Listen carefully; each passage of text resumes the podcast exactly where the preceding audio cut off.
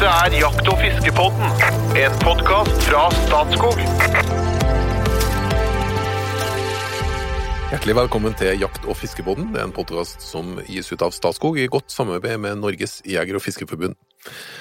I dag så skal vi inn på mårfangst. Har du drevet med det?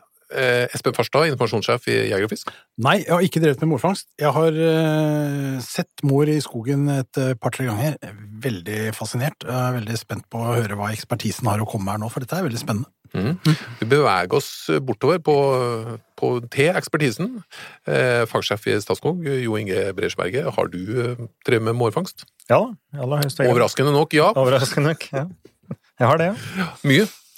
Eh, mye, nei, det var mer i ungdommen enn det er nå. Men Mm. eh, nå tar jeg med ungene mine på det. Så jeg har, eh, ja, jeg drev på en tyske lite fag faget, ja. Ja, og sist, men ikke minst, så har vi med Kristian Eken Olsen, jakt- og fiskekonsulent i Statskog, med ansvar for eh, Sør-Norge. Velkommen tilbake til Jakt- og fiskebåten. Jo, takk og takk. Hvordan er du på mårfangststatistikken, bidrar du? Ja, eh, må, ja, noe. Det er Ja. sikkert de som fanger mye mer. Det er jo noen ivrige fangstmenn i etter mår i Norge, men eh, jeg gjør etter beste evne. Ja. Ja. Skal vi starte litt enkelt? Hva er, hvilken type dyr er mår, egentlig? Ja, det er jo en Det er jo en, en, en, en lite rovdyr i Ikke så liten heller, veier mellom en kilo og to i eh, mårfamilien. En lillebror, en liten bror til jerven. Ja, de ligner jo. Ja, han eh, bor i, typisk i skogområder. Eh, merkelig nok, typisk, han er ansett som et typisk skogsdyr, barskogdyr, men eh, vi finner det jo ut på øyen i Agder og helt opp i kanten av Snaufjellet i høyt til fjells. Så det er, jo en, det er jo en art som trives i skogen. Jeg har Eller- faktisk oppdaget helt opp i Børgefjell og på Dovre. På prosjekter der, altså forskningsprosjekter, så har de fått mår inn på høgfjellet. Han, han liker seg jo egentlig ikke i åpent lende, men eh, det er noe, det har forka med det òg. Ja, og vi ser de faktisk høyt til fjells i Setesdal Ryfylke òg, langt ifra nærmeste tre. Så det er jo en art som, som kan farte over store områder, og, og nok bruke større områder enn en kanskje sånn tradisjonelt tenker om mår. For det kalles ofte skogsmår, Ja, den måren vi har i Norge kalles gjerne skogsmår, ja. som nå er delvis opp til fjells. Da. Ja. Kanskje altså, Det kalles også skogsjerv, gjør det ikke? Som ikke er en egenart, men eh, det, noe blir omtalt som en skogsjerv. Jeg husker vi hadde det i ulveepisoden. Men det er en jerv som har rota seg ned i skogen. Mens her er Ja, det okay, omvendt. ok, ja. Måren lever i skogen, roter seg noen ganger opp på fjellet. Ja. Dette er jo en ekornspesialist, er det ikke det? Jo, ekorn og Men han er, det er jo, han er jo en racer på skogsfuglegg og kyllinger. Og gnagere. Og gnagere, ja. Men det er klart, da hører han jo til i skogen, hvis vi snakker ekorn og skogsfugl. Ja. Primært, ikke sant? Men så er det jo orrfugl opp, og så ja, Mm. Og den er utbredt i hele landet, eller? Finnmark, Nordland, Troms? Ja. Trøndelag. Den, ja. Ikke eh, minst Trøndelag. Ikke minst Trøndelag. Jeg pleier å ta med det. Ja, etter det I all hovedsak der det er skog, da. Ja, men jeg, Ja. Tror det, jeg tror det er tynt når du kommer nord for Salten. Så tror jeg det er ganske sparsommelig. Men eh, Mm. Og er det er det en utbredt bestand, er det en trua bestand, eller hvordan, hvordan er tilstanden? Helt klart eh, bærekraftig bestand av mår, ja. Ja. Den klarer seg bra, den. Og er òg, som du sier, tilpasningsdyktig og, og er slik sett en vinner. med Får du mer skog, så får du mer mår. Mm. i, han, men, eh, men Måren har jo ikke alltid hatt det sånn. Han var jo veldig hardt etterstreba i holdt på å si, tidlig på 1900-tallet, og har jo vært freda i, i perioder. I, fra 1930 til etter krigen så var han jo totalfreda i hele landet. Så ble vel, Det var vel i 71 så var han liksom åpna for jakt over hele Norge igjen. Hvorfor, hvorfor var bestanden eh, tatt ned så mye at den ble freda? Det var jo det særlig på grunn av verdien av pelsen, altså veldig etterspurt pelsvilt. Og, Det var det mest ettertrakta hårviltet, Ja. faktisk. ja, nettopp. Og den, og, den var jo, og den er jo en litt annen art enn for eksempel reven. Ikke sant? Reven er tidlig kjønnsmoden og, får har en liksom litt annen livsstrategi enn en mår. En mår er jo en, en De satser jo kanskje mer på kvalitet enn kvantitet når det kommer til avkom, og oftest mindre kull og, og eh, en litt annen art skrudd sammen, da. Mm. Og det, det var faktisk jakt og fangst som pressa ned, så at vi, i prins, vi nesten klarte å utrydde den. Eh, Petter Dass klagde allerede på 1600-tallet på at det begynte å bli lite mår i Nord-Norge. Og da på 1900, tidlig 1900-tallet så hadde vi nesten utrydden. den. Og vi har jo hatt da eh, skuddpremieordninger, så at du, du har fått innmeldt en hel del dyr, da, ikke sant? Altså rovdyr. Og i 1929 så var det ikke mer enn snart 100 mårer som ble innmeldt i hele landet. Og ble den freda fra 30, som Kristian sa. Så det var nesten så det gikk galt. Ja, da, og da skjønner jeg den ene Jeg har en mistanke om den andre òg, men den ene årsaken var at det er en eh, superpels. Mm. Men så, og, og- og- men så har man skuddpremie. Ja, men, ja, jo, men det henger jo litt sammen. Du må huske verdien på dette her òg, vet du. Ja, altså, en så, et så fint pelsvilt var jo mye verdt i Ja. økonomi. Ja. Ja. Jeg kan ta et eksempel på det. for Jeg fant et eksempel når jeg leste meg opp litt. her. Så I 1903 så kunne du få over 20 kroner for et mårskinn. I 1903. Da lå dagslønna på en type av en arbeider lå på mellom to og tre kroner. Ti ganger en dagslønn, sier jeg da. Mm. Og i dagslønn i 2018 lå på 2250 kroner. Som 20 000-25 000 skulle vi hatt for et mårskinn i dag, det er som tilsvarende. Mm. Og i beste priser Nå har faktisk priser på skinnauksjonen gått litt opp de to-tre siste åra. Så jeg hørte de har vært oppe i 350 kroner for et perfekt målskinn. Mm. Men det er langt opp til 25 000. Det, det, her er jo det som skapte grunnlaget for pelsdyrindustrien, òg. Mm. at det var såpass store verdier. Ja. Eh, Men så eh, har vi en kombinasjon mellom det og eh, skuddpremie, som du ser. Og da er store spørsmålet hvorfor ble det etablert skuddpremie?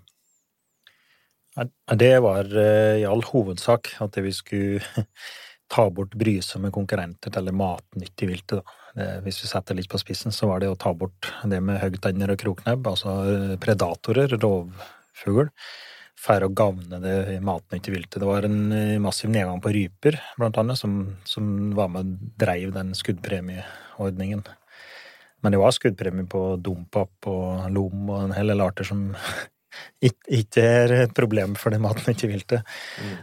men i all hovedsak så gikk det på det, at du skulle ta vekk eh, altså mennesket. Det var en litt annen eh, kultur.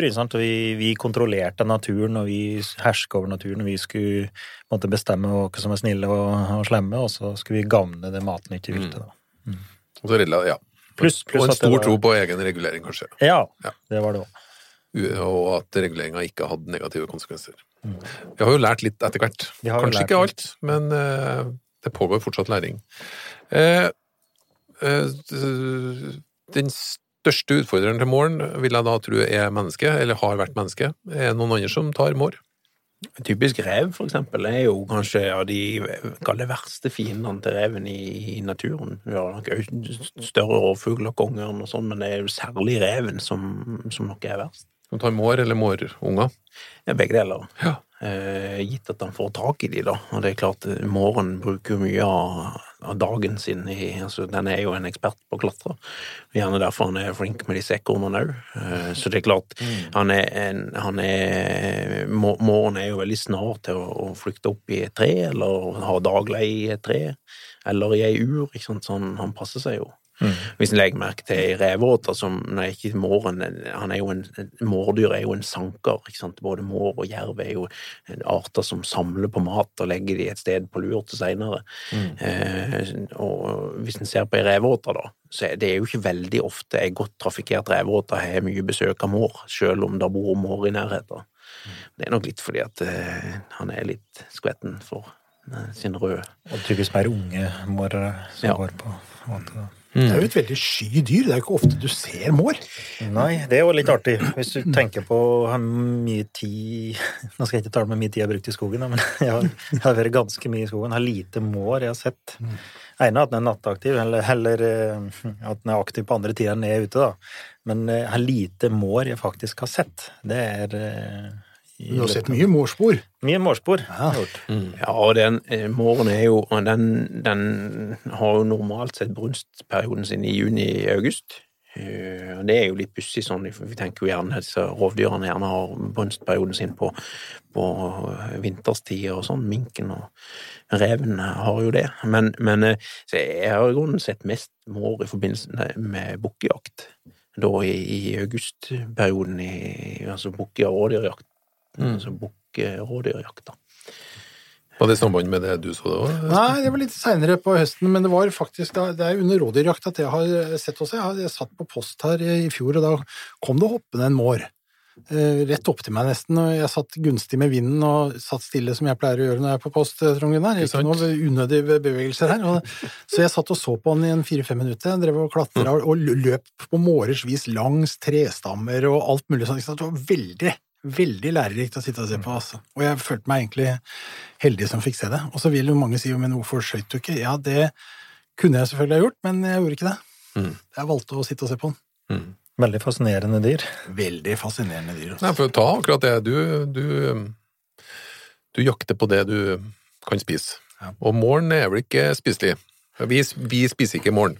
Det går an å ete mår, Ja. men eh, det er ikke derfor vi fangster den stort sett, nei.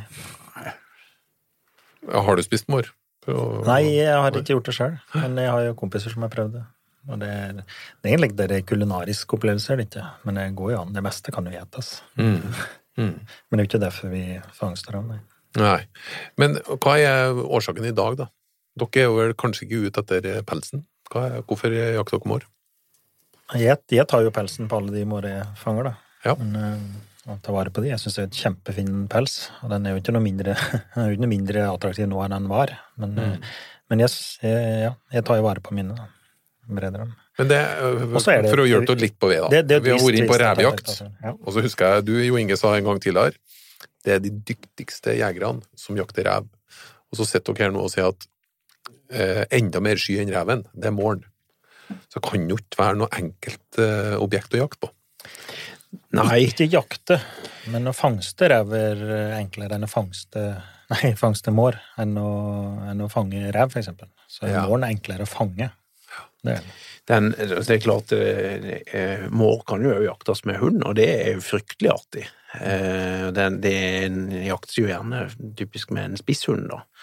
Eh, altså en samme som vi bruker på elgjakt. En, eh, gjerne bare brukt en finnspets, eller ja, man bruke en, en like eller en jevnthund eller en grove for den del, men det blir jo gjerne da stålos. Vi har hatt noen av de når vi har vært med på noen av disse minkprosjektene som vi har hatt i sjøfuglreservat, og enkelte av de øyene så har vi faktisk funnet mår, da, og det blir jo los eh, som, som på mink eller hva som helst, en stålos, så det er kjempeartig og vanskelig å få de. En ting er å finne de, men når, da, når du har funnet de, lokalisert de og fått tak i de, eh, det gjør seg ikke sjøl. Nei. Nei, for her snakker vi da fangst. Ja, ja, Skal i vi all sagt hovedsak. Det, Ja. Jakta er veldig vanskelig, og det er et fåtall som driver på med, men det er da typisk med spisshunder. Noen få spårer dem òg. Det er enda vanskeligere, altså gå på spåra og spåroppen opp den og, og klare skudden. Men det er i all hovedsak fangst, ja, vi prater om. Ja, men når du, når du jakter med våpen, hvilket våpen bruker du? Nei, det er, jo, det er jo Normalt sett så er det jo enten hagler eller salongrifler, da. Ja.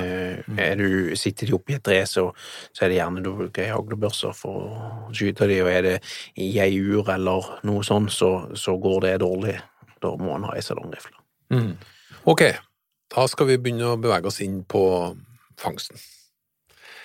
Eh, og her, her må vi ta det helt enkelt. Eh, hvordan i all verden foregår mårfangst? Kristian? Nei, det foregår jo med slagfelle.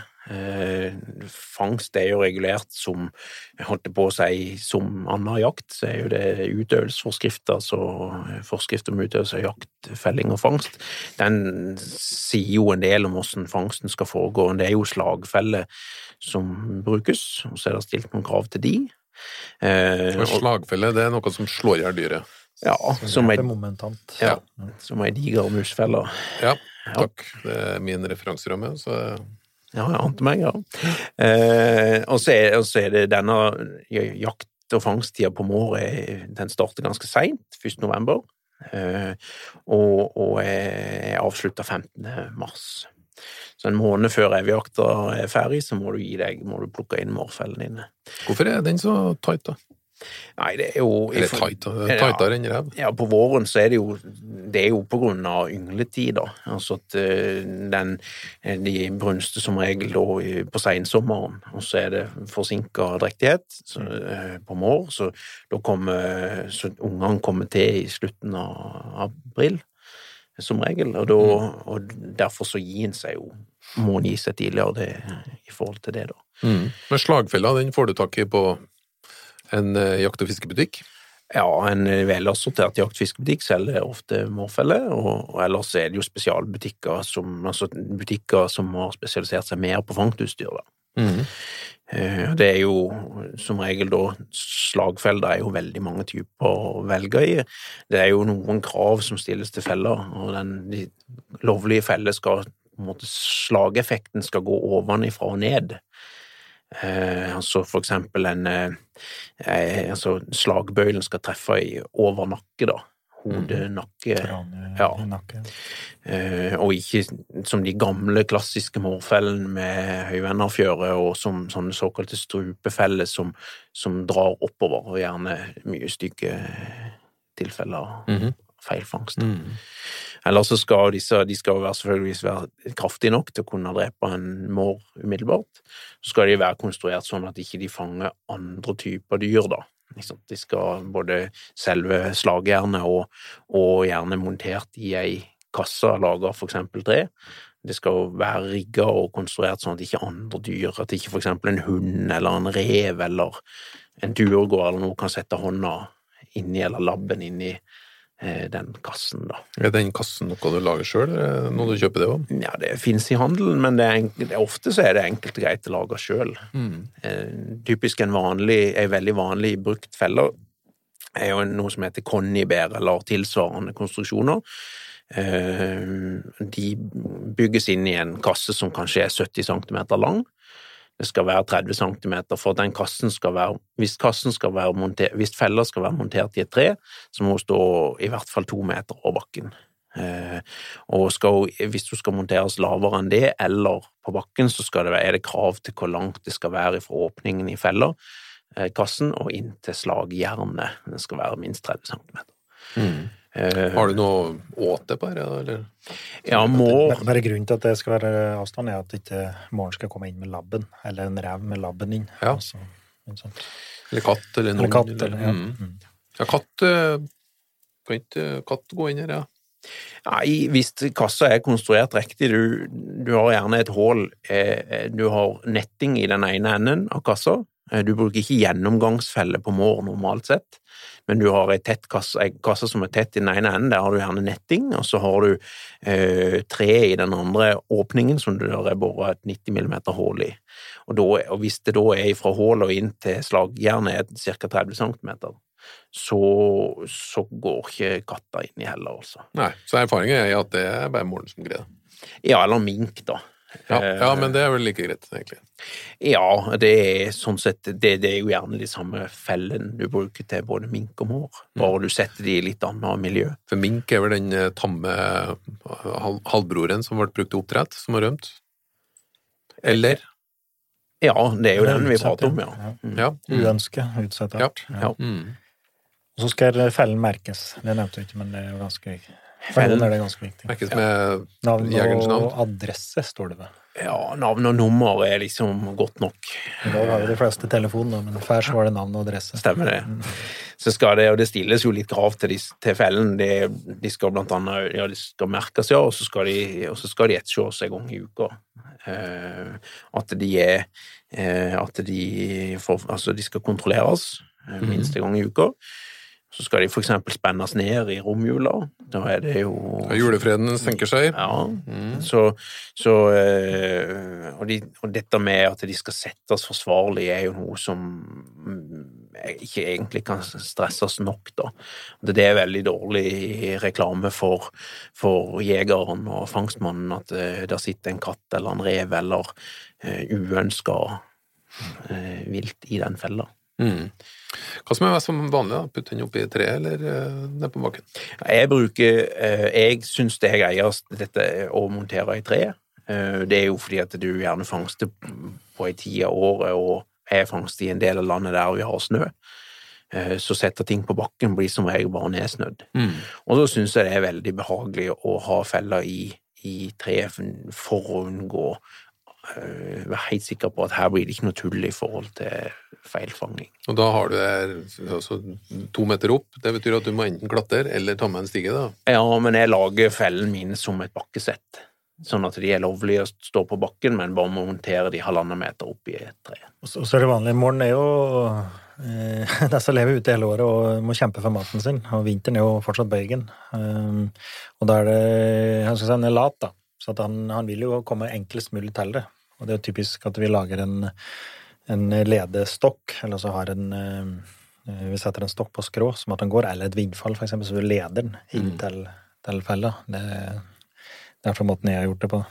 Ja, og måren er jo superakrobatisk, så han har jo ikke noe problem med å komme inn i nesten hvilken som helst slags type feller, men, men den er jo som mange andre arter, så er det jo om å gjøre med all fangst er jo å senke terskelen for at det dyret skal gå i den fella, at liksom fristelsen skal bli for stor og motstanden for lav, da. Det er lettere å lede den inn, føler jeg, da, enn at den skal klatre opp. Ja, det er nok helt riktig.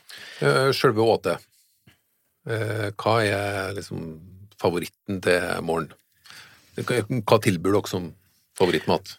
Det som jeg bruker som, som jeg mener i utgangspunktet er nok, det, det viktigste er ofte felleplasseringa, da. Uh, henne den står, men så du først spør okay, om måte, da. ta det først, da. Ja, altså, Telle plasseringa. Hva som er optimale plasseringa? Hvilke vurderinger gjør du? Nei, det er jo det som kanskje er den største kunsten, er å finne den gode plassen. Men Da bruker jo jeg gjerne å spore på en mår. Hvis det er må, du finner fersk mårspor, sporer litt hvor er det faktisk måren går henne. Eh, det er ofte veldig lettvint å sette ei mårfelle langs en brøyta skogsbilvei, der måren krysser jo gjerne den veien, ofte på samme sted, da. Men det er jo ikke sikkert at han er på en måte i jaktmodus i det området. Det, er sikkert, det kan hende det bare er en plass han er i farten. Så på en måte spore sånn at du begynner å få mye mårspor på kryss og tvers, da har du gjerne funnet mer sånn et jaktområde. Eh, Da har du liksom kommet et godt stykke på vei, da. Og i tillegg har du da liksom flaskehalser i terrenget. Eh, Overganger og, ja. og steinheller og alle slike flaskehalser der, du, han blir presset inn til å gå på eh, ja. Har du for eksempel en, en skogkledd dal mellom to topper, eh, et drag langs en bekk, et holt med liksom grov, gammel skog. For å snakke om en, ei stripe, en flatekant mellom to hogstflat, for eksempel, er jo gjerne ofte veldig bankers. Eh, Så er det litt interessant å se på for eksempel på et flyfoto. Eh, Ikke sant? Og der ser du jo litt hvordan terrenget er i forhold til vegetasjon, eh, en flaskehals mellom to myrer, mellom hogstflate, mellom en eid mellom to vann, for eksempel. Sånne steder som det. Og når For du, nybegynnere så er det å spåre. Ja. Finne målspor og spore og spore og spåre, så lærer du fryktelig mye til å spåre bare én mår. Så Mm. lærer du veldig mye om hvor den går, og hva slags terrengtyper. Og, og som du ser, det er det der han jakter typisk, da, som vil få mer spor. Og ja, du lærer fryktelig mye til å spåre mål. Og så tar du den opp i treet. Men det har praktiske hensyn, så- fordi at det snør ned. ja. Eh, også i forhold til det du spurte om med åter, så, så honning er bankers. Ok. Eh, Måren er veldig glad i honning. Søtsaker generelt. Honning funker veldig bra, lukter ganske godt. eh, Og, og er ganske lett å håndtere. Eh, Ikke grisete eller sånn, men enkelt og Litt grisete. Ja, litt glissete, da. Eh, Men, eh, Men men hvordan gjør du det? Har, du en kopp med honning, liksom? inni ja, Skraphonning typisk fra en birøkter, eller eh, Ja. honningkaker og alt, alt som kan minne om det. Er, eh, Jeg bruker å ha det for å unngå at det renner ut. Når det er kaldt, så er honningen ganske stiv, og når det blir mildt, så blir han veldig flytende. Så, så jeg for at dette skal ligge mer på plass, så bruker jeg en bonde eller en halvannen liters brusflaske eller noe sånt, og så fyller jeg i litt honning i den, og så bare setter den mm, bak fellejernet, da. Og så hvis den utmaker seg skikkelig, så har jeg Jeg kaster jo ikke rester etter rypejakt og skogsfugljakt sånn. Det alt av skrog og fjør og, og den slags. Det putter jeg i frysen, og så tar jeg det opp igjen når jeg skal begynne å sette morfellene mine. Og da har jeg gjerne litt skogsfugl eller rypekjøtt, skrog eller noe i huer er veldig fint. Ja, huer, ja. Skogsfugler og rypehuer. Veldig, veldig bra måte. Så det er stort sett det jeg bruker. Men, det, men det holder med honning. Har du ikke noe annet, så er honning egentlig tilstrekkelig. Men bare for liksom å sprite det opp litt, så bruker jeg gjerne rester av skogsfugl. Ekorn er det jo mange som bruker. Ekorn er veldig bra. Ja. Fiken og dadler er type etter jul. Veldig Ja. bra. Alle slags søtsaker som holder litt. Vet du ikke om den tar, eh, tar honning, honning fra, fra biene? Siden det fungerer ellers. Ja, hvis han hadde kommet til det, så ville jeg nesten tro han hadde gjort det. Mm. Men, men jeg, det- jeg, ikke sånn ellers. Nei. Ok, vi har, eh, vi har rett slagfelle, vi har rett eh, kasse som den står inni. Eh, Vi plasserer den ja, litt oppi treet. Mm.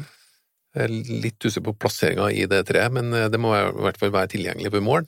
Man må gjøre en, en kvalifisert beregning av, av inngangen til mål. Kan godt lede den inn i områder der, den, eh, der det blir litt tight, det er mest sannsynlig, og du kanskje har spor av den. Og så skal du inn der en gang i uka, minimum. Ja. Eh, Hvor, eh, men dette er et sky dyr.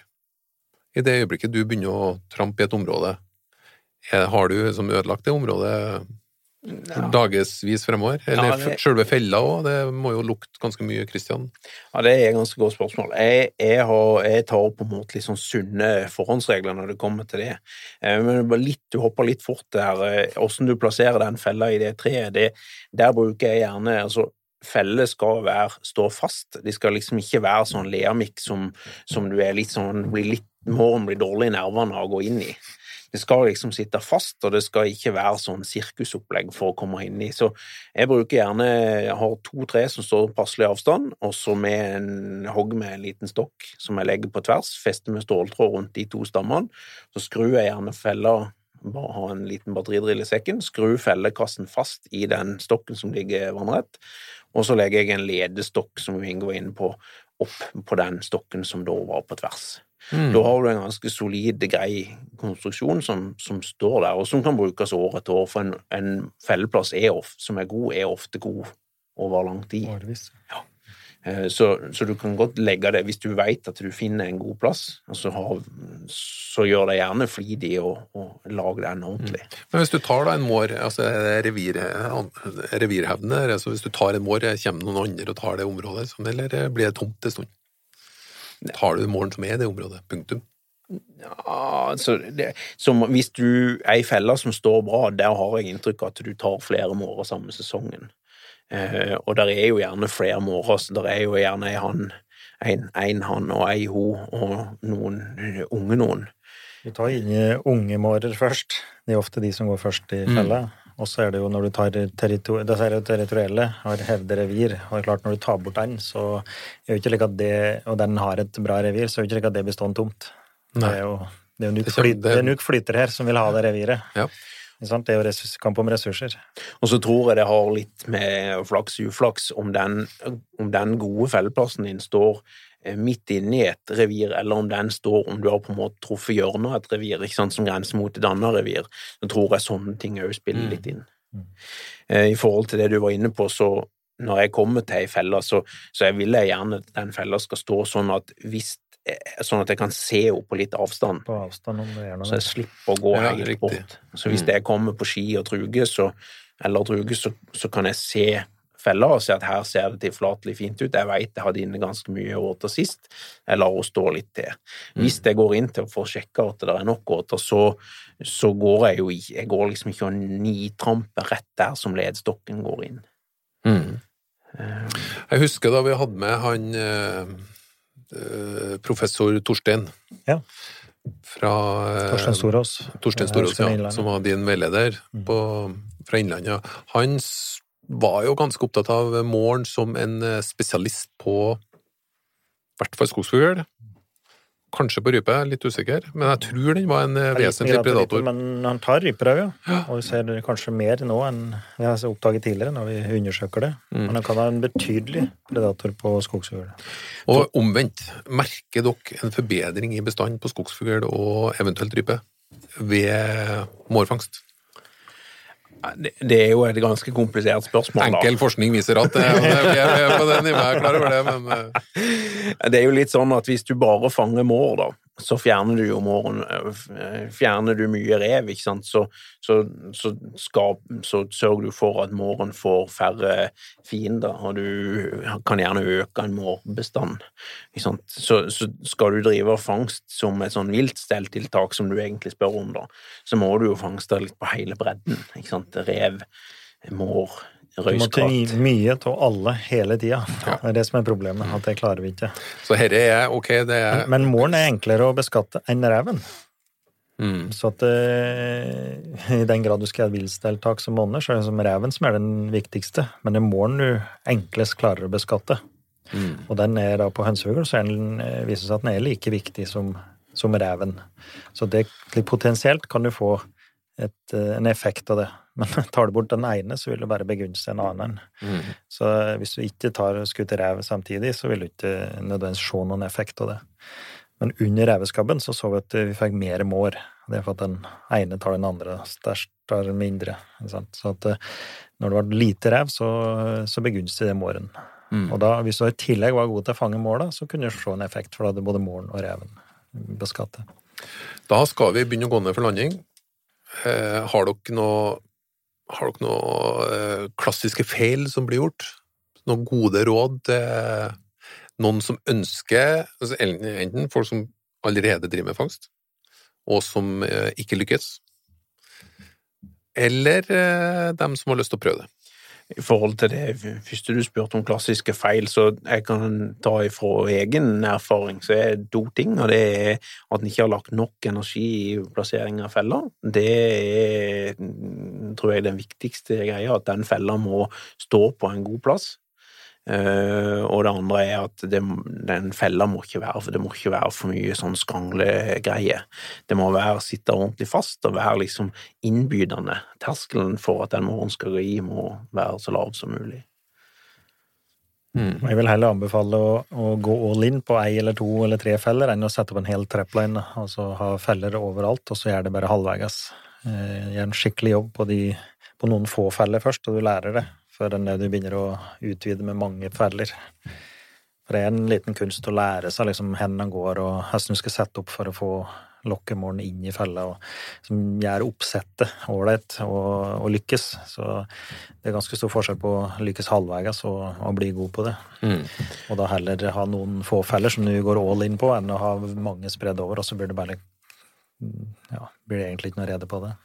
Og så, er det jo at eh, har, har, det ikke, har, det ikke mår, har det ikke vært et mårspor utenfor den fella de, på to-tre uker, så kan du gjerne prøve en ny plass. Hvis ikke du veit at dette er en god plass, som du har tatt mange år før, men er du satt opp ei ny felle eller en, en, prøvd en ny plass, og det ikke er spor ut forbi kassa en gang på to-tre uker, så kan du fjerne fella og prøve en annen plass. Så ser du at det er typisk ungmårer først som man får inn. De kan gå inn ganske enkelt, mens de voksne territorielle mårer kan være litt vanskeligere. Og Møter du gamle fangstmenn, da, så er det type de eh, brukte hansker som hang ut i vedskjulet hele året, ikke sant, og det var eh, skulle ikke ta i fella, og ikke skulle du væske deg på flere uker, og det ene og det andre, og, og den kokte fellen, ikke sant, og så eh, brukte dai, altså sette dem inn med voks, eller så det ikke skulle lufte av dem. det, er liksom, det er en hel kunst, det der.